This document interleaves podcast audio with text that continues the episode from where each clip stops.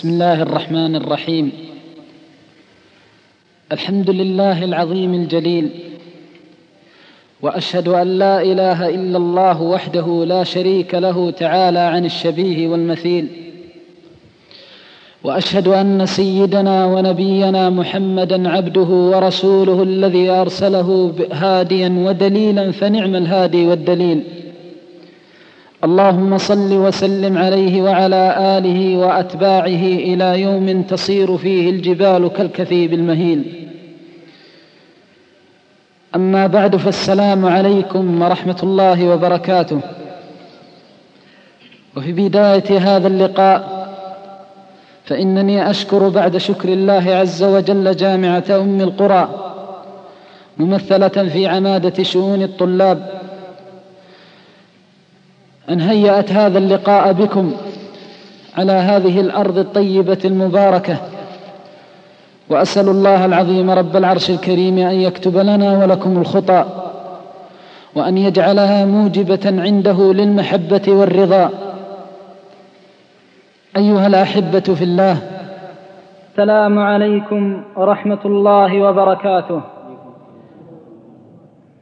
أما بعد إخواني في الله كم هي نعمة من الله عز وجل عظيمة ومنة من الله تبارك وتعالى جليلة. تلك النعمة التي أخرج بها العبد من الظلمات إلى النور وأنقذه من من مزالق الهوى والردى والشرور.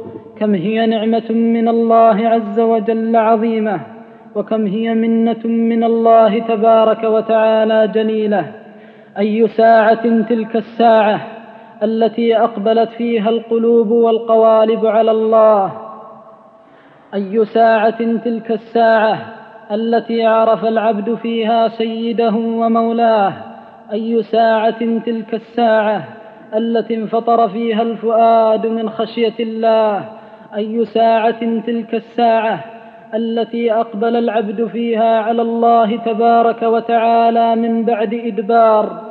وأحسن من بعد إساءة ما أعظمها من ساعة تلك الساعة التي نادت فيها النفس اللوامة وانبعثت فيها في النفس اشجان وأحزان تذكر العبد بعظيمة بعظيم نعمة الله جل وعلا عليه وجليل منته لديه تذكره فانتبه من الغفلة واستيقظ من المنام وأقبل على ذلك الملك العلام أي ساعة تلك الساعة التي لا يستطيع العبد شكرها ولا الوفاء بعظيم حقها حرمتها أمم فهوت في مهاوي الردى والشرور وأكرمك الله جل وعلا بالإقبال عليه.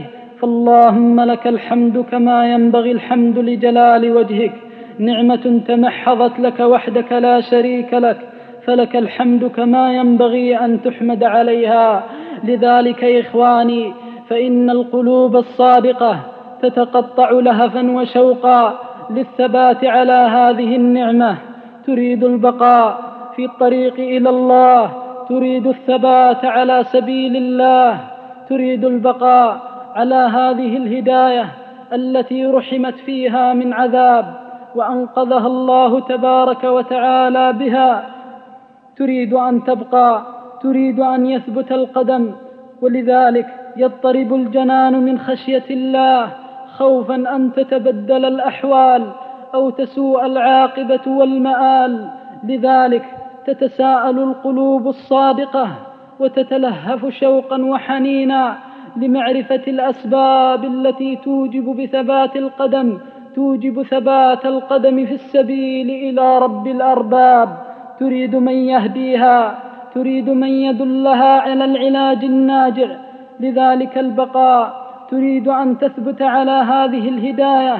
إلى لقاء الله جل وعلا استجابة لأمره وطاعة له سبحانه إذ يقول يا أيها الذين آمنوا اتقوا الله حق تقاته ولا تموتن إلا وأنتم مسلمون فحفظوا وصية الله وأرادوا تطبيقها فاشتاقوا وتلهفوا لكي يكرمهم الله عز وجل بالبقاء والثبات على الهداية. أين سبيل البقاء؟ أين طريق الثبات على الهداية؟ أين طريق الثبات للهداية؟ أين طريق البقاء والثبات على الهداية؟ أول تلك الأسباب وأعظمها أن يتوجه العبد إلى الله جل وعلا بقلب صادق منكسر بين يديه يسأله الثبات على الهداية فإن الدعاء حبل متين من الله عز وجل. من استمسك به نجا ومن استعصم به أغاثه الله جل وعلا إذا استغاث وأجاره إذا استجار. من بيده الهداية والضلال من بيده الهداية والضلال. من القلوب بين إصبعين من أصابع الرحمن يقلبها كيف يشاء. هو الذي يعطي وإن أعطى فلا مانع لما أعطى وهو الذي يمنع فلولا وإن منع فلا معطي لما منع. لذلك أول طريق للبقاء على الهداية وأول سبيل للثبات على الهداية أن يتوجه القلب إلى الله بصدق وإخلاص وحق على الله تبارك وتعالى. ما من عبد يسأله بصدق أن يثبت قدمه وقلبه على الهداية إلا ثبته الله. سلوا الله الثبات على الهداية فذلك شأن الأخيار ودأب الصالحين الأبرار. إذ حكى الله جل وعلا دعاءهم إذ يقول في محكم كتابه ربنا لا تزغ قلوبنا بعد إذ هديتنا وهب لنا من لدنك رحمة إنك أنت الوهاب. أولئك الأقوام الأخيار علموا أن الهداية منحة من الله وعطية من الله جل شأنه لا سبيل للبقاء عليها ولا طريق للدوام عليها إلا إذا صدق العبد في سؤال الله ذلك وقد دلت دلائل السنة على ذلك فقد كان النبي صلى الله عليه وسلم وهو أهدى العباد لربه أهداهم وأتقاهم وأشدهم خشية لله عز وجل كثيرا ما يسأل الله الهداية. وفي الصحيح عنه عليه الصلاة والسلام من دعائه المأثور أنه كان يقول اللهم إني أسألك الهدى والتقى والعفاف والغنى فكان يسأل الله الهدى. وفي الحديث الصحيح عنه عليه الصلاة والسلام أنه كان يقول بين السجدتين اللهم اهدني وارحمني وعافني وارفعني واجبرني إلى آخر الدعاء المأثور. من تعلق بباب الله ولجأ إلى جناب الله وصدق في دعوة الله يسأله أن يثبت قلبه على الهداية فحق على الله أن يعطيه. ففي الحديث الصحيح عن النبي صلى الله عليه وسلم أنه قال يقول الله تعالى يا عبادي كلكم ضال إلا من هديته فاستهدوني أهدكم. وعد من الله من سأله الهداية أن يهديه. إخواني من الذي أنقذ القلوب من تلك الظلمات؟ أقوام ما عرفوا الله حياتهم كلها. امتن الله عليهم بالهداية. ما وقفوا يوما من الأيام بباب الله يسألونه أن يهديهم. ومع ذلك تكرم وتفضل. ووهب سبحانه أليس خليقا به جل وعلا؟ إذا تعلقت ببابه وعذت بجنابه وأظهرت الفاقة إلى الله أن يثبت لك القدم على سبيله فهو الحقيق بأن يهب ذلك. لذلك إخواني دعوة أن نتوجه إلى الله جل وعلا في مظان الإجابة التي ثبتت بها النصوص الصحيحة عن المصطفى صلى الله عليه وسلم. سلوه الثبات على الهداية في الأسحار سلوه الثبات على الهداية بين الأذان والإقامة سلوه الثبات على الهداية في السجود سلوه الثبات على الهداية فإن الدعوة تقرع بابه وتنزل, وتنزل إلى رحابه طالبة من عظيم فضله ومنه وكرمه. لذلك إخواني أول سبيل للوصول إلى الثبات على الهداية أن تدمن سؤال الله أن يثبت قلبك على الإيمان وأن يذيقك حلاوة طاعته وذكره وشكره. أما السبيل الثاني وهو أجلها وأعظمها تغذية القلوب بالإيمان بالله فإنه ما من قلب يقوى اعتقاده ما من قلب يقوى اعتقاده في الله جل وعلا وتزل قدمه أبدا. ولذلك قال بعض السلف ما عرف سوء الخاتمة لإنسان مستقيم في عقيدته. ما عرف سوء الخاتمة لإنسان مستقيم في عقيدته. فإذا تغذت القلوب بالإيمان بالله وتعرفت على الله جل وعلا حقيقة المعرفة عن طريق ذلك الكتاب المبين وتلك السنة العطرة النظرة أوجب ذلك لها الثبات على طاعة الله جل وعلا. تعرفوا على الله فإن القلوب التي تعرف الله لا تجحده والقلوب التي تعرف الله لا تعرض عن الله أبدا. ولذلك إذا نزل الإيمان إلى جذور القلوب اهتدت إلى علام الغيوب. ومن يؤمن بالله يهد قلبه. من, من ازداد في إيمانه وزاده الصباح والمساء معرفة بمن؟ بمن يقلب الليل والنهار وبمن له العشي والإبكار. دعاه ذلك للثبات على الهداية. دعاه ذلك أن يكون الله أحب إليه من كل حبيب وأرجى لقلبه من كل مرجو. لذلك إخواني لا يمكن أن يثبت القدم إلا إذا عظم الإيمان بالله تبارك وتعالى.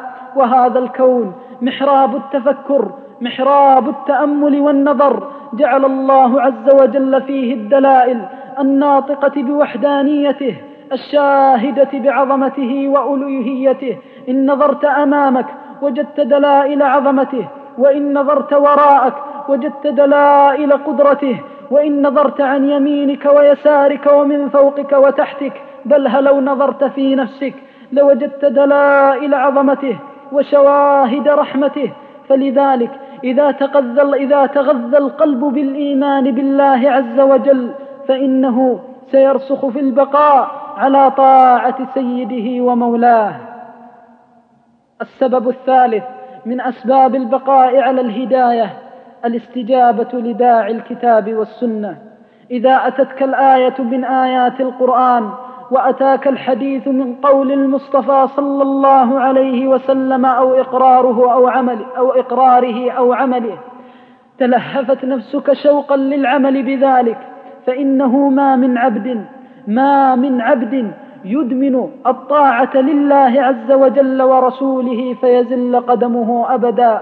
يا أيها الذين آمنوا إن تتقوا الله يجعل لكم فرقانا ويكفر عنكم سيئاتكم ويغفر لكم ويغفر لكم من ذنوبكم والله ذو الفضل العظيم. لذلك إخواني فإنه ما من إنسان يسعى جهده في تطبيق أوامر الشرع والتزام أوامر الكتاب والسنة إلا ثبت الله قدمه على الهداية. تأثروا بمواعظ القرآن تأثروا بكلام الرحمن واغسلوا القلوب بذلك الداء النافع والعلاج العظيم. قال الله تعالى ولو أنهم فعلوا ما يوعظون به لكان خيرا لهم وأشد تثبيتا وإذا لآتيناهم من لدنا أجرا عظيما ولهديناهم صراطا مستقيما. من تأثر بمواعظ القرآن وانكسر منك وانكسر قلبه خشية للرحمن فإن الله يثبت له الجنان ويجعله على استقامة وطاعة لله عز وجل. ولذلك ما عرف عن إنسان حريص على السنة على اتباع السنة وتطبيقها في نفسه وفي ولده وفي أهله ما عرف عنه أنه تقلب قلبه عن طاعة الله يوما من الأيام. لذلك إخواني انتهجوا هذه المناهج الكريمة تعرضوا لنفاح لنفحات من الله ورضوان وذلك بالتأثر بآيات القرآن. لقد كان السلف الصالح لقد كان السلف الصالح أقوى العباد وأكمن أكمل العباد استجابة لأوامر الكتاب والسنة فصلحت لهم الأحوال وأوجب الله لهم حسن الخاتمة والمآل. فلذلك إخواني من تغذى قلبه بمحبة الكتاب والسنة فإن الله تبارك وتعالى يثبت قلبه لأن القرآن طريق الهداية الأول الذي لا هداية إلا عن طريقه. قال الله في محكم كتابه قل إن ضللت فإنما أضل على نفسي وإن اهتديت فبما يوحي إلي ربي. فدل هذا على أن الوحي طريق الهداية وأن العبد إذا اهتدى بالوحي دعاه ذلك للثبات على سبيل الله وطاعة الله ومرضاته. وكذلك السنة فهي نور على نور ورحمة على رحمة.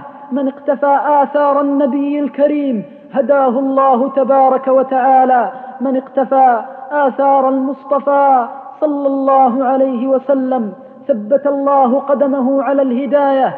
قال الله تعالى واتبعوه لعلكم تهتدون. اتبعوا هذا النبي الكريم لعلكم تهتدون. فكل من أحب رسول الله صلى الله عليه وسلم وكان متأثرا بأقواله وأفعاله. يحب السنن يحب تطبيقها يحب التزامها يتأثر بها. كلما سمع سنة كان جل همه وغمه أن يطبقها. ذلك العبد الذي أوجب الله له الهداية والثبات. ولذلك إخواني ينبغي للإنسان أن يغذي قلبه بمحبة النبي صلى الله عليه وسلم. محبة تدعوه أن يؤثره على كل شيء حتى على نفسه التي بين جنبيه. ثلاث من كن فيه وجد بهن حلاوة الإيمان. ففي الحديث الصحيح عن النبي صلى الله عليه وسلم أنه قال ثلاث من كن فيه وجد بهن حلاوة الإيمان. أن يكون الله ورسوله أحب إليه مما سواهما. فلذلك إذا كان العبد يحب الله من كل قلبه ويحب رسول الله صلى الله عليه وسلم محبة تدعوه إلى المتابعة الصادقة المجردة من الهوى فإنه لا شك أنه أسعد العباد وأفوزهم بالهداية. ولذلك لما تأثر أصحاب النبي صلى الله عليه وسلم بآثاره واهتدوا بهديه كانوا أكمل الأمة ثباتا على الحق.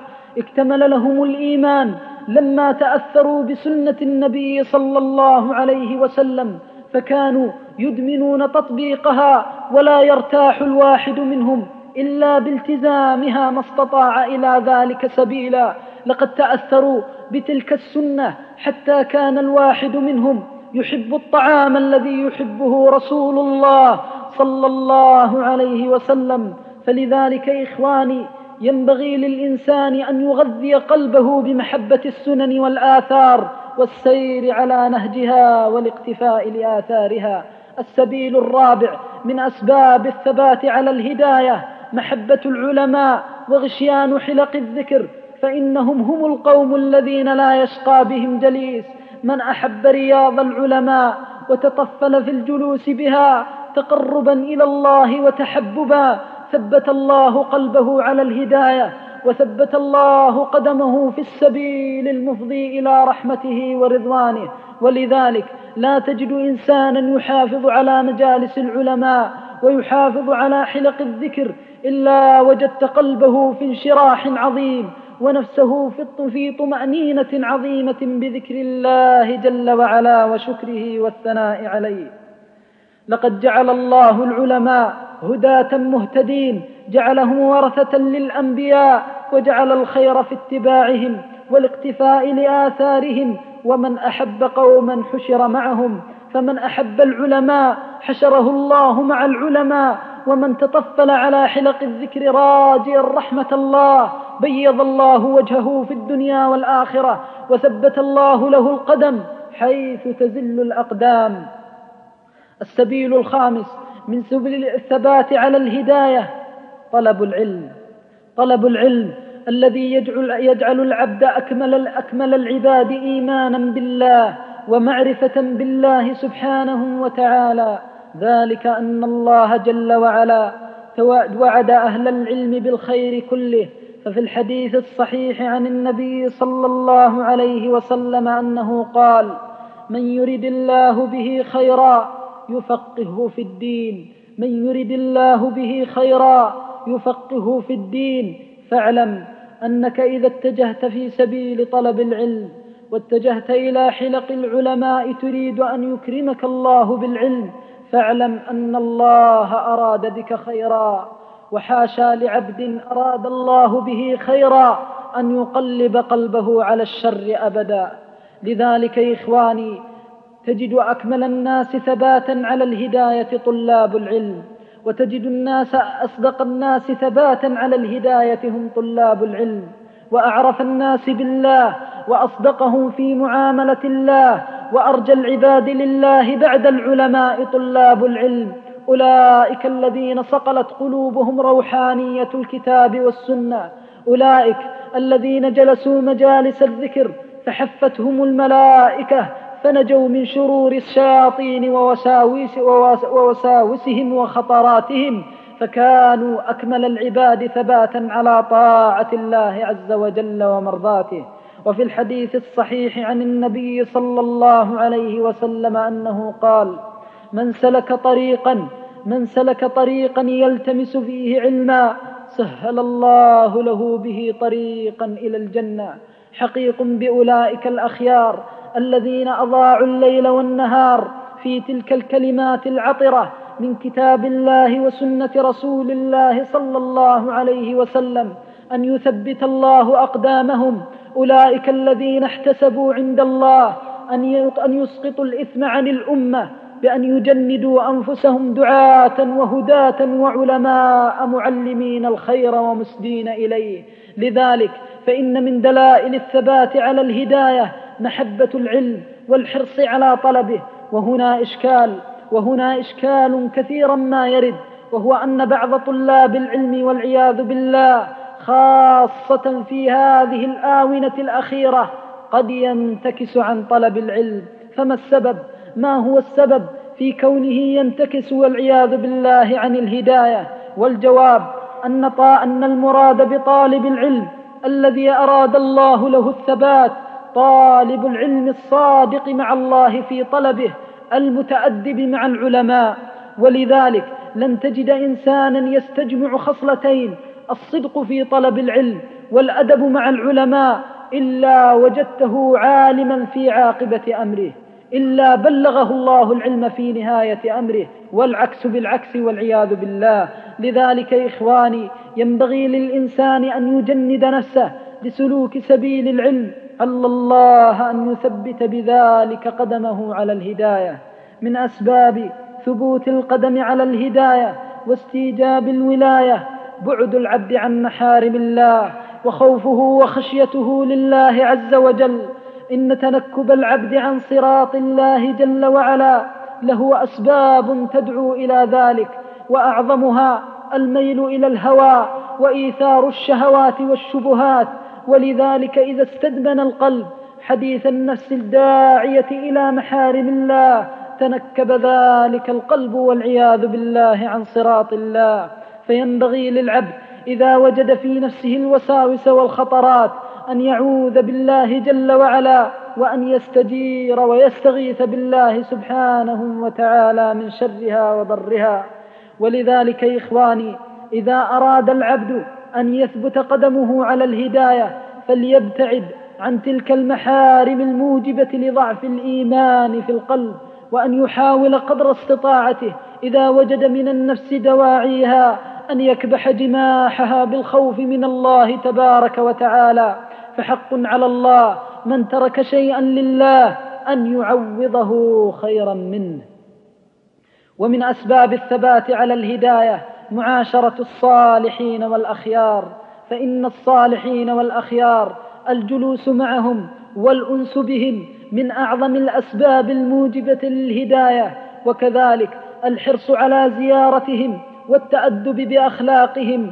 ذلك أن النبي صلى الله عليه وسلم أخبرنا عن الله تعالى أن الله عز وجل غفر لعبد جلس في مجلس ذكر مرة واحدة فقال وله قد غفرت. هم القوم لا يشقى بهم جليس. هم القوم لا يشقى بهم جليس. فالجلوس مع الأخيار وزيارة الأخيار من أهم الأسباب الموجبة للثبات على الهداية. فينبغي للإنسان أن يحرص كل الحرص على الجلوس مع الأخيار والعكس بالعكس والعياذ بالله فلو سألت القلوب يوما من الذي دعاها لمحارم الله؟ من الذي زين لها الشبهات والشهوات؟ من الذي مهد السبيل لمحارم الله؟ لو سألت القلب سؤالا صادقا من الذي دعاه إلى محارم الله أن ينتهكها وحدود الله أن يغشاها؟ لوجدت وراء ذلك قرين السوء والعياذ بالله. من الذي زين كأس الخمر وجعلها ألذ إلى النفس حتى طلبت شرابها فأعرضت عن الله بشربها. من الذي حبب إلى الزنا وقرب إليه ومهد السبيل إليه. داعي الهوى والردى شياطين الإنس والجن. فلذلك ينبغي للإنسان أن يحرص كل الحرص على البعد عمن لا خير فيه. ولذلك إذا أراد الله بعبده أن يثبت قدمه على الهداية دعاه إلى كراهية الأشرار وجعل قلبه لا يرتاح لهم ولا يطمئن للجلوس معهم. ولذلك بلغت الهداية ببعضهم أنه يقلق لو مر عليه من عصى الله خشية أن يذكره بمعصيته. فلذلك إخواني فلذلك البعد عن الأشرار والجلوس معهم وإن كثيرا ممن أكرمهم الله بالهداية قد يتساهلون في هذا الأمر العظيم فتارة تجدونهم تجدهم يجلسون مع من لا خير فيهم ويتساهلون في ذلك ووالله إنه لخطر عظيم. من تعرف على الله وامتلأ قلبه بالإيمان بالله فإن قلبه لن يسكن لن يسكن فيه غير داعي الله ومحبة الله. ولذلك لن يجتمع في قلب عبد محبة الله ومحبة عدو لله أبدا. أبدا لن تدخل محبة الله إلى قلب عبد فيدخل مع تلك المحبة شريك يضادها أبدا. إما محبة لله خالصة تنتفي معها محبة ما سواه إلا أن يكون حبيبا لله. وإما العكس والعياذ بالله. فينبغي فينبغي للإنسان أن يحذر من الجلوس مع الأشرار وإن الجلوس معهم والضحك واللهو معهم من الأمور التي توجب للعبد الردى وتورده موارد الشهوات والهوى. ولذلك من تعود على مجاملة الأشرار فلا يلومن إلا نفسه. ومن الأسباب الموجبة للهداية كثرة تلاوة القرآن فإن القرآن شفاء القلوب طب القلوب والأرواح. من أكثر تلاوة القرآن خاصة قيام الليل فإنه من أعظم الأسباب الموجبة للثبات على الهداية. ولذلك كان النبي صلى الله عليه وسلم أكمل الأمة إيمانا تفطرت قدمه في القيام بين يدي الله في جوف الليل. ولذلك إخواني من حبب الله إلى قلبه قيام الليل ثبتت له تلك القدم على الهداية. تعود أخي في الله ولو جزءا واحدا من القرآن تتقرب إلى الله جل وعلا به في ليلك. إخواني نجلس الساعات الطويلة في مجالس الأحاديث واللهو تهون علينا الساعات الطويلة ونسهر إلى ساعات متأخرة من الليل. والله لو بذل ربع معشار تلك الساعات لأصابتك من الله نفحة ورحمة قد تكون سببا في سعادتك في الدنيا والآخرة. لا يعز على الإنسان يعز على الإنسان. لو أنه قام ربع ساعة بعد صلاة العشاء يقلب فيها يقلب فيها ذلك القلب أمام تلك الآيات الطيبة. وإن تيسر للإنسان أن يقوم آخر الليل فإنه والله أكمل وأجمل, وأجمل للعبد في عين ربه. فلذلك ينبغي للإنسان أن يحرص كل الحرص على قيام الليل. فإن قيام الليل من الأمور الموجبة على موجبة لثبات القدم على الهداية لأن العبد إذا قطع ليله في تلاوة القرآن تأثر في صباحه بقيام الليل. ولذلك قال بعض السلف والله ما حفظت قيام الليل إلا ووجدت أثر ذلك في علمي وعملي في يومي ونهاري. فلذلك إخواني دعوة أن نحيي الليل خاصة في الأسحار. فحق على الله عز وجل أن يثبت تلك الأجساد الطيبة الطاهرة التي تقلبت في جوف الليل بين يديه. فحرام على تلك العيون التي سحت بالبكاء في جوف الليل أن تمسها النار وحرام على تلك الأقدام التي انتصبت في جوف الليل بين يدي الله. حرام أن تمس عذاب الله وعقوبة الله بعد أن تشرفت بالوقوف بين يديه وحرام على تلك السواعد الطيبة الطاهرة التي أكرمها الله بقيام الليل. فانتصبت في السجود بين يدي الله عز وجل أن ترى النار أو تمسها. فلذلك إخواني دعوة للمحافظة على قيام الليل. وجماع الخير كله جماع الخير كله تقوى الله عز وجل. فمن اتقى الله ثبت الله قدمه على الهداية وأوجب له الولاية. أعوذ بالله من الشيطان الرجيم. ألا إن أولياء الله لا خوف عليهم ولا هم يحزنون الذين آمنوا وكانوا يتقون. أسأل الله العظيم رب العرش الكريم بأسمائه الحسنى وصفاته العلى أن يثبت أقدامنا. اللهم إنا نعوذ بك من الضلال بعد الهدى. اللهم إنا نعوذ بك من الضلال بعد الهدى ومن العمى بعد البصيرة. ونعوذ بك من الحور بعد الكور وآخر دعوانا أن الحمد لله رب العالمين وصلى الله وسلم وبارك على نبيه وآله وصحبه وسلم. وأن ينفعنا بما سمعنا وأن يجزل المثوبة لفضيلة الشيخ. يقول السائل يقول أريد أن أهدي والدي فماذا أفعل؟ بسم الله. الحمد لله والصلاة والسلام على رسول الله وعلى آله وصحبه ومن والاه. أما بعد تسأل أخي في الله عن الطريقة التي تستطيع بها هداية أبيك. اعلم أولا أنه ليس هناك أفضل من الدعاء أن تدعو لأبيك في صباحك ومسائك أن يهديه الله إلى سواء السبيل. الأمر الثاني أن تأخذ بالأسباب الموجبة لهدايته وذلك بإدمان تذكيره بالله عز وجل.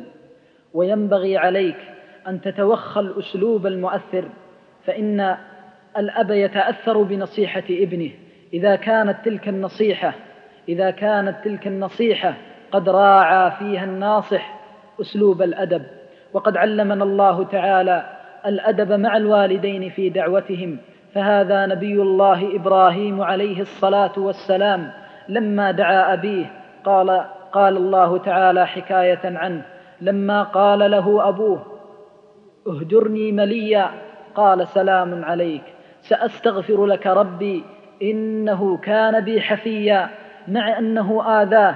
قال لئن لم تنتهي يا إبراهيم لأرجمنك. واهجرني مليا. قال سلام عليك. سأستغفر لك ربي إنه كان بي حفيا. منهج رباني يبين لنا أنه ينبغي للإبن أن يحسن الأدب مع أبيه ولو كان كافرا. فالله تعالى يقول وإن جاهداك على أن تشرك بي ما ليس لك به علم فلا تطعهما وصاحبهما في الدنيا معروفا. فينبغي عليك أن تحرص كل الحرص على أن تكون متأدبا في دعوة أبيك أن تظهر له الأدب إذا لقيته. حتى يحس أن الهداية أثرت فيك. إذا أقبلت عليه أظهرت له السرور وأظهرت له المودة كل ذلك طلبا لهدايته والعكس بالعكس. فكثير من الإخوان لا يحسن هداية الوالدين ولا يحسن النصح للوالدين وتكون النتائج على خلاف ذلك. ولذلك ما من إنسان يحسن الأدب مع والديه إلا تأثر الوالدان بنصحه, بنصحه. فينبغي لك بعد الدعاء أن تدعو الوالدين وأن تحسن الأدب في الدعوة. والأمر الرابع أن تتوخى الأسباب المؤثرة. فإذا لا سمح الله حدث أمر يوجب تنبيه الأب كأن تحصل, تحصل, حسنة يحبها الوالد. فإذا حصلت حسنة يحبها الوالد اغتنمتها فرصة لكي تذكره بنعمة الله عز وجل عليه وكذلك لا سمح الله إذا حصلت مصيبة ذكرته بشديد عذاب الله وعظيم نقمة الله فدعاه ذلك للهداية. المقصود أن تتوخى الأسباب الموجبة لهداية الوالد مع مراعاة الأدب والله تعالى أعلم. أحسن الله جزاءكم. يقول السائل بعض الشباب الذين الذين اهتدوا بسبب بسبب سيرهم مع شباب طيبين الآن نلاحظ عليهم بعض الانتكاس فماذا نفعل؟ هذا الانتكاس له أسباب ذلك فك... ذلك أننا نجد كثيرا من الشباب يقولون كنا في بداية الهداية نحس براحة نفسية نحس بإقبال على الخير نحس بتلهف وشوق إلى رحمة الله. ولكن سرعان ما نفقد ذلك سرعان ما تتغير القلوب بعد فترة معينة. فما هو السبب في ذلك؟ يقول الله تعالى إن الله لا يغير ما بقوم حتى يغيروا ما بأنفسهم. ذلك أن كثيرا من الشباب لو نظر في حاله عند بداية الهداية وحاله الآن لوجد البون شاسعا. لقد كنا في بداية الهداية تتفطر قلوبنا شوقا لكلام الله وكلام رسوله صلى الله عليه وسلم. وكنا نحسن الأدب مع العلماء وكنا نحسن الأدب في الحديث وكنا نراقب الله في أقوالنا وكنا نراقب الله في أفعالنا ولكن غيرنا فغير الله علينا. نعم لما تغيرت تلك المجالس التي كانت مليئة بذكر الله مليئة بالتذكير والتواصي والأمر بالحق لما تغيرت إلى القيل والقال وكثر وإضاعة الوقت في أمور لا يحب قد لا يحبها الله ولا يرضاها قد تبلغ إلى إلى الغيبة وقد توصل إلى النميمة والعياذ بالله فلما تغيرت تلك المجالس والعياذ بالله تغير الحال. فلذلك ينبغي أن ننظر في حالنا إن بعض الشباب قد يغتر بعد الهداية. بعض الشباب إذا أصاب لذة الهداية لربما يغتر إلى درجة قد يخطئ فيها العلماء وقد يجترئ فيها على القول على الله بدون علم. هذه الأمور هي التي أظلمت بها القلوب وهي التي تنكبت بها الأقدام في الدروب وحادت بها عن طريق علام الغيوب لأن الإنسان إذا كان صادقا مع الله صدق الله معه فينبغي لنا أن نعيد النظر أن نعيد النظر في حالنا الآن وينبغي أن نتواصى بأمر مهم يضيعه كثير من الشباب وهو عدم الغرور. ينبغي للإنسان دائما أن يكون محتقرا لنفسه ولو كان أكمل الناس هداية. ينبغي أن يحس بأنه بحاجة إلى رحمة الله بأنه بحاجة إلى عفو الله ولا يتعالى على إخوانه. فبعض الشباب الذين لهم قدم سابقة في الهداية قد يتعالى على إخوانه المتأخرين في الهداية وقد يفعل أمورا توجب انتكاس قلبه والعياذ بالله. فالمقصود أن الذي سئل عنه من تغير الأحوال سببه أمور أوجبته وهذه الأمور جلها وأعظمها أن القلوب تغيرت. فبعد أن كانت خاشعة أصابها نوع من القسوة وأصبحت في غفلة عن ذكر الله فبليت من السقم والمرض بقدر ما أصابها من ذلك. فينبغي للإنسان أن يراجع نفسه وأن يحاول قدر استطاعته أن يكون هاديا صادقا في هدايته وأن يحاول احتقار نفسه مهما صدر منك. لا تنظر إلى من هو أسفل منك بل انظر إلى من هو فوقك وسابق غيرك في الطاعات وتنافس معه في المرضات. فذلك يدعو العبد إلى الثبات على الهداية. والله تعالى أعلم. أثابكم الله. يقول السائل أنه وفقه الله عز وجل للاهتداء قبل سنتين وفي هذه الأيام يشعر بالتقصير فيرجو توجيه نصيحة له. كما سبق وهو السؤال نفسه لكن أذكر بعض الإخوان أنه أصابه شيء من هذا. وكان طالب علم يقول أجد في نفسي قسوة لا أدري ما سببها. وأجد في نفسي أنه تمر علي الآيات التي تبكي من خشية الله عز وجل ومع ذلك لا أتأثر. فقلت له يا أخي أسألك واصدق معي في جوابك. كيف حالك مع الله؟ هل هناك حق الله أمران فعل الفرائض وترك المحارم. فكيف أنت في فعل الفرائض وترك المحارم؟ قال والله لا أنكر من نفسي شيئا ولا أقول ذلك تزكية لنفسي. فقلت الحمد لله هذا حق الله. فلننتقل إلى حق العباد. كيف أنت مع والديك؟ كيف أنت مع أبيك؟ فلما سألته كيف أنت مع أبيك أصابته الدهشة. قال ها والله بيني وبين أبي نوع من سوء التفاهم. لا أستطيع أن أحسن الكلام معه ولا أستطيع أن أحسن بره فقلت يا أخي من هنا تبتدئ من هنا من هنا جاءك البلاء من هنا حيثما عصيت الله في بر الوالدين أوجب ذلك لك القسوة. فجرب في صلاح حالك. والله يا إخوان ما مضت ثلاثة أيام ما مضت ثلاثة أيام وقد غير حاله يقول لي والله حتى حفظي تغير. لما أحسن في بر الوالدين بر الوالدين بر الوالدين شيء هين. الله تعالى يذكر عبادته ويقرنه بعبادته. واعبدوا الله ولا تشركوا به شيئا وبالوالدين إحسانا. حتى قص علينا شرائع من قبلنا فذكر بر الوالدين فيها. وإذا أخذنا ميثاق بني إسرائيل لا تعبدون إلا الله وبالوالدين إحسانا. وقضى ربك ألا تعبدوا إلا إياه وبالوالدين إحسانا. بر الوالدين سبب من أعظم الأسباب التي توجب للعبد سعادة الدنيا والآخرة. إذا بلغ ببر الوالدين أن يوصي النبي صلى الله عليه وسلم أصحابه الذين هم أكمل الأمة إيمانا واتباعا له يوصيهم إذا رأوا أويس القرن أن يسألوه أن يدعو لهم. فماذا بعد هذا؟ إخواني إن كثيرا من الشباب الذين أكرمهم الله بالهداية ربما يلاحظون على الوالدين بعض التقصير فيسيئون إلى الوالدين وقد يعقون الوالدين يعصون لهم الأمر ولربما يبلغ الحال إلى ما فيه سخط الله عز وجل وغضبه. فلذلك أخي الكريم أدعوك إذا أردت أن يذهب الله عنك ما تجد. أدعوك أن تتفقد أوامر الله ونواهيه. هذا الأمر الأول. والأمر الثاني أن تتفقد حقوق العباد وأولها حق الوالدين. تفقد من تحت يدك من العمال تفقد من تحت يدك من الموظفين تفقد جميع من ولاك الله أمره حتى أبنائك. انظر إلى معاملتك معهم. والله ستجد أن هناك أسبابا أوجبت لك ذلك وغير يغير الله عز وجل ما بك. وما من هم يصيبك إلا ووراءه سيئة ووراءه خطيئة أوجبته ما أصابك من حسنة فمن الله وما أصابك من سيئة فمن نفسك والله تعالى أعلم. الله. يقول السائل كيف تكون المحبة في الله؟ وما وما فضلها؟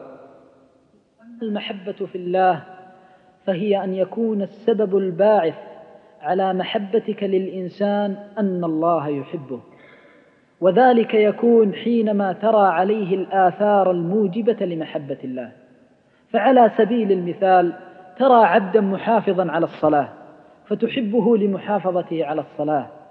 ترى إنسانا من طلاب العلم تحبه لأنه من طلاب العلم. فالصلاة وطلب العلم يحبها الله عز وجل. فإذا كان السبب الباعث على المحبة يحبه الله ويرضاه الله فذلك فتلك هي محبة الله. فلذلك ينبغي للإنسان إذا أراد أن يكون محبا لأخيه في الله أن يكون السبب الداعي لتلك المحبة هو طاعة الله ومرضاته. أما آثارها فالتواصي بالحق ولذلك نفى الله عز وجل الخسارة عن أهلها فقال إلا الذين آمنوا والعصر إن الإنسان لفي خسر إلا الذين آمنوا وعملوا الصالحات وتواصوا بالحق وتواصوا بالصبر.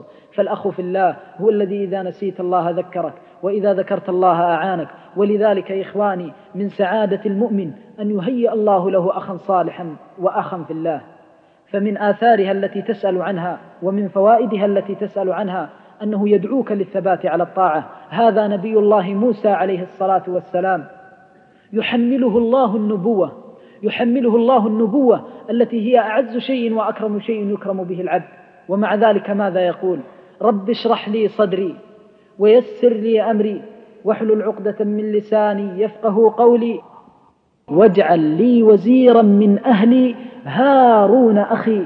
أشدد به أزري وأشركه في أمري كي نسبحك كثيرا ونذكرك كثيرا. نبي من أنبياء الله يتمنى أن يعطيه الله أخا صادقا يعينه على ذكر الله كي نسبحك كثيرا ونذكرك كثيرا. مرات الأخوة في الله أن أخاك يدعوك على الثبات على الهداية وهذه كفى بها من نعمة. وأخوك الصادق في الأخوة تجد منه خيرا كثير حتى في أمور الدنيا. يحفظ لك الأسرار ويحاول أن يكون لك نعم العون بعد الله. إن أخاك الحق من كان معك ومن يضر نفسه لينفعك ومن إذا ريب الزمان صدعك شتت فيك شمله ليجمعك.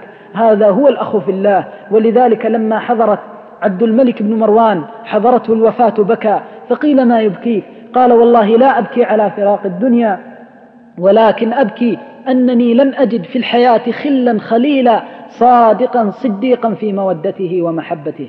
فهذا إذا وجدته لن تجده إلا في الإخوان في الله والأحباب في الله. وأما ثمراتها في الآخرة فقد بينها النبي صلى الله عليه وسلم بقوله تعالى في الحديث القدسي عنه تعالى أنه يقول وجبت محبتي للمتزاورين في والمتحابين في وفي الحديث الآخر القدسي عنه تعالى أنه يقول أين المتحابون في جلالي؟ اليوم أظلهم في ظلي يوم لا ظل إلا ظلي. وقال الله في محكم التنزيل الأخلاء يومئذ بعضهم لبعض عدو إلا المتقين. فمن أراد أن يكون له أخا في الله وحبيبا في الله فلينظر في إخوانه. ولله در الشاعر إذ يقول انظر إذا أخيت من تؤاخي. ما كل من آخيت بالمؤاخي أسأل الله العظيم أن يكرمنا وإياكم بذلك. ومن ثمراتها أن يظل العبد في ظل الرحمن كما في الحديث الصحيح من, من رواية أبي هريرة رضي الله عنه في حديث السبعة ورجلان تحابا في الله اجتمعا عليه وافترقا عليه. والله تعالى أعلم. أبكم الله صلى الله جزاءكم. يقول السائل ما هو وقت الأسحار؟ وما الأفضل فيه القيام أو الاستغفار؟ أو الاستغفار والتسبيح لقوله تعالى وبالأسحار هم يستغفرون.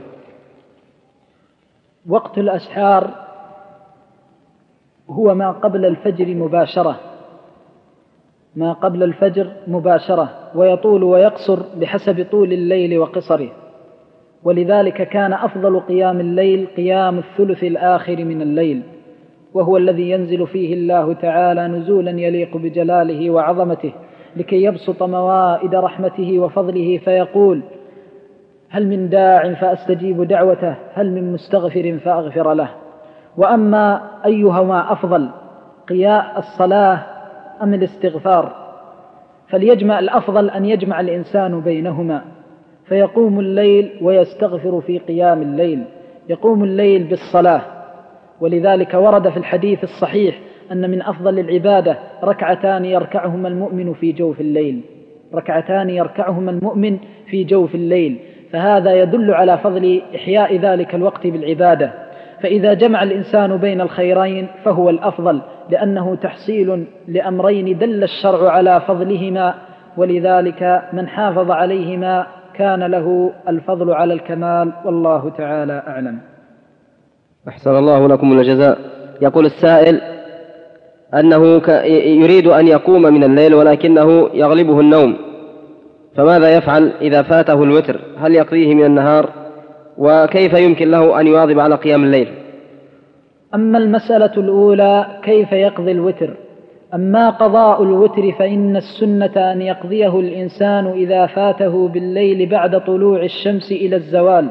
لما ثبت في الحديث الصحيح عنه عليه الصلاة والسلام أنه قال من فاته حزبه من الليل فقرأه بين أن تزول بين طلوع الشمس إلى زوالها كتب له كأنما قرأه من ساعته أو كما قال صلى الله عليه وسلم.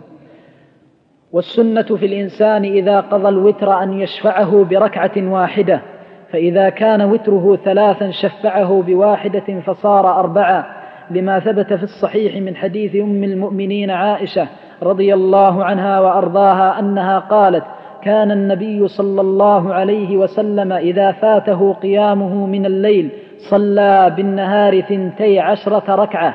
قال العلماء لأن سنته في قيام الليل كانت إحدى عشرة ركعة فكان يشفع ركعة الوتر فثم فتمت بذلك الركعة الثانية عشرة. فهذا يدل على أن وتر النهار يشفع وهذا من الفوارق التي يفرق بها بين وتر الليل والنهار. ومن الفوارق أيضا أنه لا يدعو بعد لا يقنت في في وتر النهار بخلاف وتر الليل والله تعالى أعلم. يقول السائل يقول نعم. أما المحافظة على قيام الليل فهناك سبب من أهم الأسباب التي تدعو إلى قيام الليل وهذا السبب هو تذكر الآخرة. ولذلك من أحب أن يحافظ على قيام الليل ينبغي ألا تغيب عن ذهني ذكر الآخرة. وذكر الآخرة هو السعادة بعينها. من تذكر أنه ستمر عليه مثل هذه الساعة وهو ضجيع اللحد والبلا رهينا بالقول والعمل والله تهون عليه الدنيا وما فيها. من تذكر أنه سيغلق عليه في تلك الظلمة والحفرة وأنه لا يجد إلا هاتين الركعتين أو هذه التسبيحة والاستغفار دعاه والله ذلك إلى أن يهون عليه الليل يهون عليه النوم فيتقلب بين يدي الله عز وجل. راكعا ساجدا. أمن هو قانت آناء الليل ساجدا وقائما يحذر الآخرة ويرجو رحمة ربه. أول شيء يحذر الآخرة.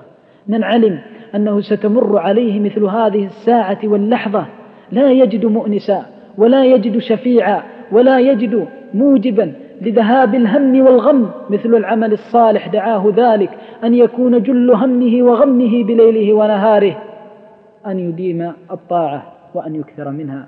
قال تعالى تتجافى جنوبهم عن المضاجع يدعون ربهم خوفا وطمعا ومما رزقناهم ينفقون. فمن حاول أن يتذكر الآخرة ولذلك لما كان السلف الصالح رحمهم الله من أكمل الأمة ذكرا للآخرة وكانوا لا يغيب عن ذكرهم ذكر عن, عن بالهم ذكر الآخرة هان عليهم قيام الليل.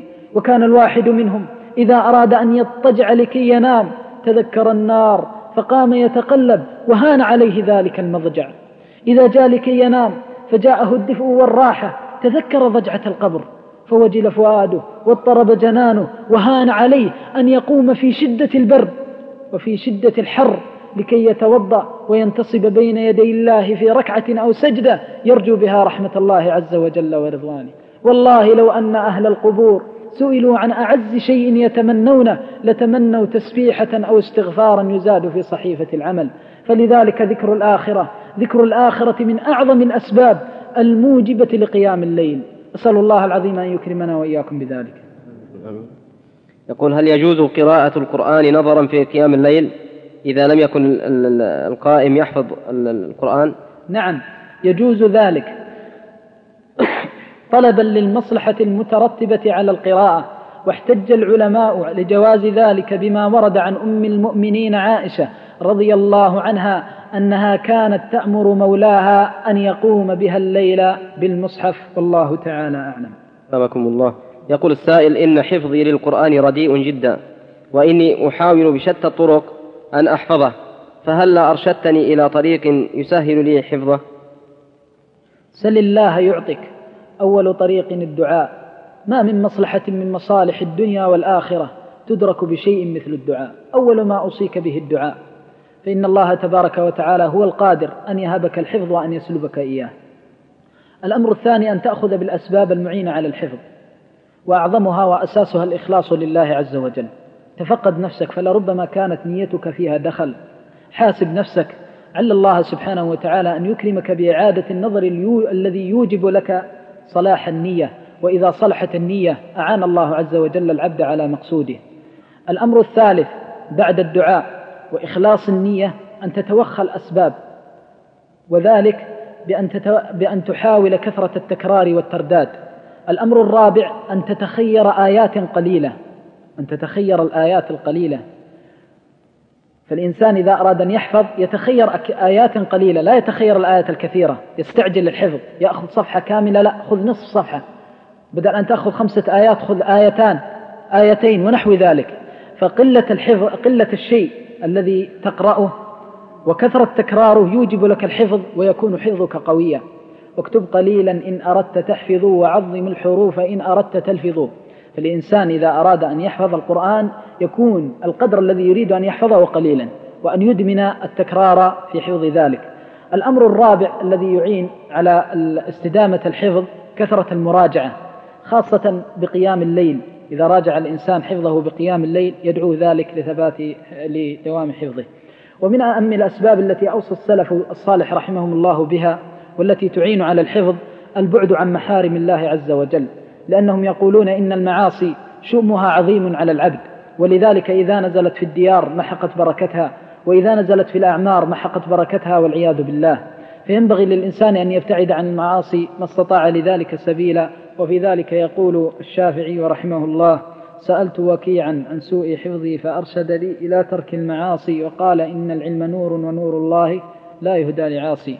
شكوت وكيعا سوء حفظي فأرشدني إلى ترك المعاصي وقال إن العلم نور ونور الله لا يهدى لعاصي. والله تعالى أعلم. الله. إذا كيف يمكن أن يتخلص من الرياء؟ لا أعرف سببا يعين على التخلص من الرياء مثل الأمرين اللذين سبقت الإشارة إليهما. أولهما الدعاء أن تسأل الله أن يجعلك مخلصا. قال الله تعالى إنا أخلصناهم بخالصة ذكر الدار. الأمر الثاني تذكر الآخرة. هذين الأمرين هم من أهم الأسباب اللذان يعين, يعين التي تعين الإنسان على الإخلاص وترك الرياء. ولذلك أبدا ما من إنسان يكون قلبه معمورا بالآخرة فيكون مرائيا أبدا. والعكس بالعكس ما من إنسان يغفل عن الآخرة إلا وجدته والعياذ بالله مراء في قوله مراء في عمله مراء في ظاهره وباطنه. الأمر الثاني الذي يعين على الإخلاء على الرياء على الإخلاص وترك الرياء إعظامك المثوبة عند الله عز وجل. إذا علمت أن الله سبحانه وتعالى يتقبل منك القليل ويجزيك عليه بما لم يخطر لك على بال دعاك ذلك إلى الإخلاص. لأن العبد إذا عظم الله دعاه ذلك إلى إحسان المعاملة مع الله عز وجل. ونسأل الله أن يكرمنا وإياكم بالإخلاص لوجهه. يقول السائل أنه إذا قام جزءا من الليل يعجب بنفسه وعمله. فهل هذا من الرياء؟ العجب داء وبلاء وأي داء وبلاء.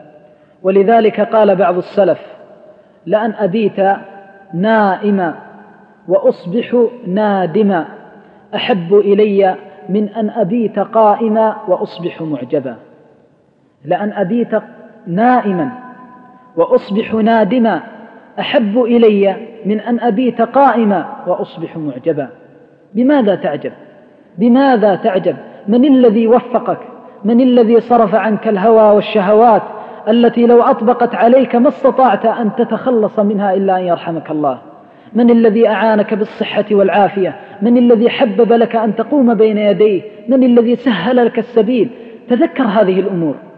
فإذا تذكرتها تذكر أيضا ما هذه الركعتان وما هذه السجدة التي تسجدها بين يدي الله في جنب عظيم نعمة الله ومنة الله عز وجل عليك.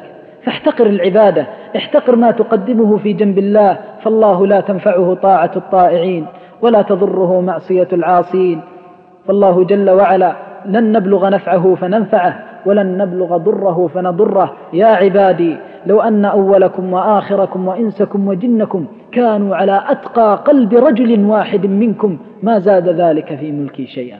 يا عبادي لو أن أولكم وآخركم وإنسكم وجنكم كانوا على أفجر قلب رجل واحد منكم ما نقص ذلك من ملكي شيئا. لماذا نعجب؟ بماذا نعجب؟ تذكر من هم أكثر منك إيمانا؟ تذكر العلماء الراسخين في العلم الذين أوجب الله لهم درجات لم تخطر لك على بال. تذكرهم واحتقر نفسك. فلذلك يقول العلماء من وصاياهم أن الإنسان إذا بلي بداء عالجه بضده.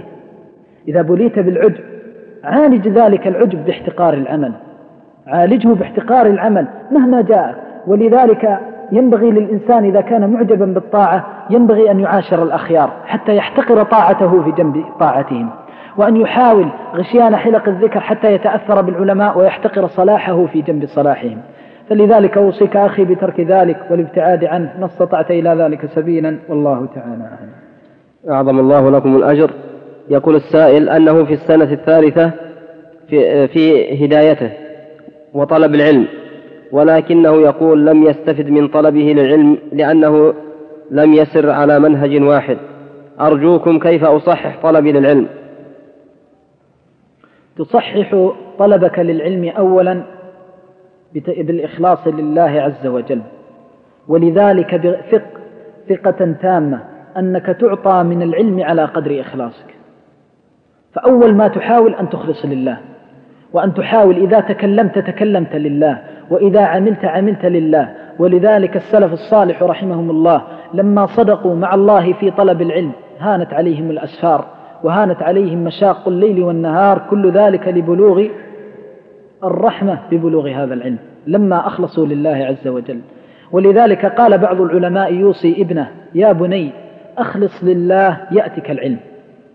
كان الوالد رحمه الله من وصايا جده أنه رأى الوالد إبان شبابه وبدايته في طلب العلم رآه حريصا على طلب على أخذ الكتب وجمعها.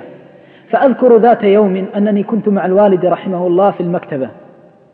فجاء لكي يضع تفسير القرطبي ففاضت عيناه من الدمع. ثم قال لي يا بني لقد كنت أحلم أن أرى القرطبي بعيني. كنت أحلم أن أرى القرطبي بعيني. وكنت شغوفا بجمع كتب العلم. وعلم جدك بذلك. فقال لي يا بني أخلص لله تأتك كتب العلم تأتي كتب العلم إليك. قال فها أنا ذا عندي ثلاث نسخ منه. أليست هذه نعمة؟ قلت بلى والله إنها لنعمة. فمن أخلص لله في طلب العلم أعطاه الله العلم. فأول شيء الإخلاص. الأمر الثاني أن تحاول قدر استطاعتك أن تأخذ العلم عن العلماء. كثير من طلاب العلم خاصة الآن ما ما يأخذون العلم إلا من الكتب. نعم الكتب فيها خير ولكن يفوتهم من الخير ما لم يخطر لهم على بال. العلم يؤخذ من صدور الرجال. يؤخذ حينما تزاحم العلماء بركبتيك وتتلقف رحمة الله بالتواضع في الجلوس في حلق الذكر فتكون خطواتك في سبيل الله وأنفاسك في سبيل الله وسمعك في سبيل الله وبصرك في سبيل الله لأنك تقرأ وتكتب وتسمع حتى عقلك في طاعة الله حينما تفكر في مسائل العلم. فلذلك إذا زاحمت العلماء وزاحمت طلاب العلم في مجالس العلماء فزت بالعلم. فالعلم لا يؤخذ من السطور كما يؤخذ من السطور من الصدور. ولذلك قال بعض العلماء في شرح الحديث الصحيح إن الله لا يقبض العلم انتزاعا ينتزعه من صدور العلماء ولكن يقبضه بموت العلماء. قال بعض العلماء في هذا دليل على أن العلم يؤخذ عن الرجال. لأنه لو كان العلم يؤخذ عن الكتب ما قال ينتزع انتزاعا ولكن قال بموت العلماء. فدل على أن العلم مربوط بالعلماء. ولذلك ينبغي لطالب العلم أوصي كثيرا من طلاب العلم أن يكونوا حريصين على أخذ العلم من العلماء. الكتب فيها خير وفيها بركة ولكن ينبغي أن يأخذ الإنسان العلم من أهله. ولذلك قالوا من كان شيخه الكتاب فخطأه أكثر من الصواب. فإن الإنسان لا يأمن من تحريف المطبعة ولا يأمن من الفهم السقيم فلربما يفهم الشيء على غير ظاهره. وكذلك أيضا قال بعض العلماء من, أظن من مظنة الفهم في العلم أن الإنسان يوفق للجلوس أمام يد العالم. ولذلك من المجرب أنك إذا جلست في مجالس العلماء وجدت من التيسير في طلب العلم ما لم تجده لو جلست تقرأ وحدك. فالمقصود أن من أسباب عدم ثباتك أنك طلبت العلم من الكتب وهذا أظنه والله أعلم. الأمر الأخير الذي أوصيك به إذا تبين لنا أن طلب العلم يؤخذ عن العلماء ينبغي أن تتخير العالم الذي هو أهل لأن يؤخذ العلم عنه. ولذلك قال عبد الله بن مسعود كما ورد في صحيح البخاري أيها الناس إن هذا العلم دين. فانظروا عمن تأخذوا دينكم. فإذا كانت تجارة الدنيا نترقب ونحاول أن نجد التاجر الصادق في معاملته فقل لي بربك كيف بتجارة الآخرة؟ فلذلك ينبغي للإنسان أن يتخير العالم العامل الذي يذكرك بالله عز وجل في قوله وعمله ويدعوك للثبات على طلب العلم. هذا إذا وفقت له فإنك بإذن الله ستصيب من العلم البغية. والله تعالى أعلم. الله خيرا. نرجو توجيه نصيحة للمرأة المسلمة فمعنا في هذا المسجد بعض الأخوات نسأل الله أن ينفعنا وإياهن المسلمين. يا نساء المؤمنين إن الله أدبكن فأحسن تأديبكن ورباكن فأحسن تربيتكن. إن الله تعالى وعد المحسنات منكن أجرا عظيما ووعد العباد فأن بأنه لا يضيع عمل عامل من ذكر أو أنثى على أيديكن. تتربى الأجيال فأوصيكن بتقوى الله عز وجل التي هي سبب الهداء سبب التوفيق لكل خير في الدين والدنيا والآخرة. وأوصيكن أن تتقين الله في محارم الله وأن تحاول الواحدة جل أمرها أن تحرص كل الحرص عن البعد عن الفتن والمحن. فرأس المال في هذه الدنيا هو الدين. فلا تعرضن أنفسكن لمحارم الله جل وعلا ولا ولا ترى ولا ولتحاول كل واحدة أن أن تكون صادقة مع الله عز وجل في تربية في تربية الأبناء والبنات. إن صلاح الأم صلاح للمجتمع. وقد كان ولكن في السلف الصالح من نساء النبي صلى الله عليه وسلم القدوة الحسنة. لكن في نساء النبي صلى الله عليه وسلم تلك النماذج الطاهرة. أوصيكن بقراءة سيرة السلف. بقراءة سيرة الصالحات الطاهرات اللاتي عمرن الكون بطاعة الله جل وعلا وبإخراج الرجال الصادقين في طاعتهم ومحبتهم لله جل وعلا. إن صلاح الأم صلاح للأمة. ولذلك كم وجدنا من العلماء العاملين والرجال الصادقين الصالحين من كان سبب صلاحه أمه من كان السبب في صلاحه أمه حتى قالت أم سفيان الثوري رحمه الله قولتها المشهورة يا بني أطلب العلم أكفك بمغزلي. فلذلك أختي المسلمة احتسبي عند الله تربية الأجيال على طاعة الله ومحبة الله وأوصيكن بالأزواج خيرا. الأمر أن أن تكونوا أن أن تكون الواحدة أن تكون الواحدة على قدر استطاعتها معينة لزوجها على محبة الله ومرضاة الله. فكم من نساء صالحات طاهرات كن سببا في صلاح الأزواج. وكم من نساء صالحات طاهرات ثبت الله بهن القلوب على الهداية أليس رسول الله صلى الله عليه وسلم؟ جاء إلى أم المؤمنين خديجة ذعرا مرعوبا مرهوبا فقال لها لقد خشيت على نفسي فمن الذي ثبته بعد الله؟ من الذي قال له تلك الكلمات الطيبات؟ إنها تلك المرأة الصالحة التي عرفت ربها واتقت الله في بعلها فقالت له المقالة الصادقة كلا والله لا يخزيك الله. وأحذركن من تلك النماذج السيئة من تلك القدوة السيئة التي بليت بها الأمة في هذا العصر. الله الله أن ترغبن عن تلك الصالحات الطاهرات وأن تستبدلن بسيرهن العطرة ومواقفهن النظرة بسير الناجنات الداعرات. الله الله أن تؤثر عليكن الكثرة الداعية إلى محارم الله. البسي جلبابك واحفظي حيائك واتق الله عز وجل في ليلك ونهارك واعلمي أن جمالك في الحجاب الذي به استترت وبالقلب الذي من خشية وبالقلب الذي تضمينه بين جنبيك ليس الجمال جمال الصورة بمثل جمال القلوب القلوب لا بمثل جمال القلوب التي هي محط نظر الرحمن ومحط رحمته وصلواته.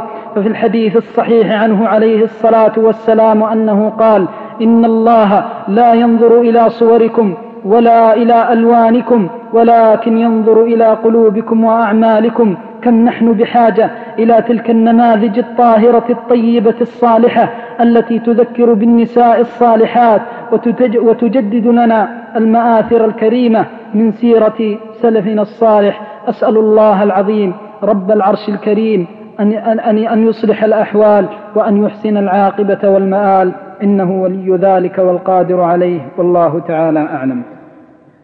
نسأل الله أن يتقبل وصلى الله وسلم وبارك على عبده ورسوله محمد وعلى آله وصحبه أجمعين.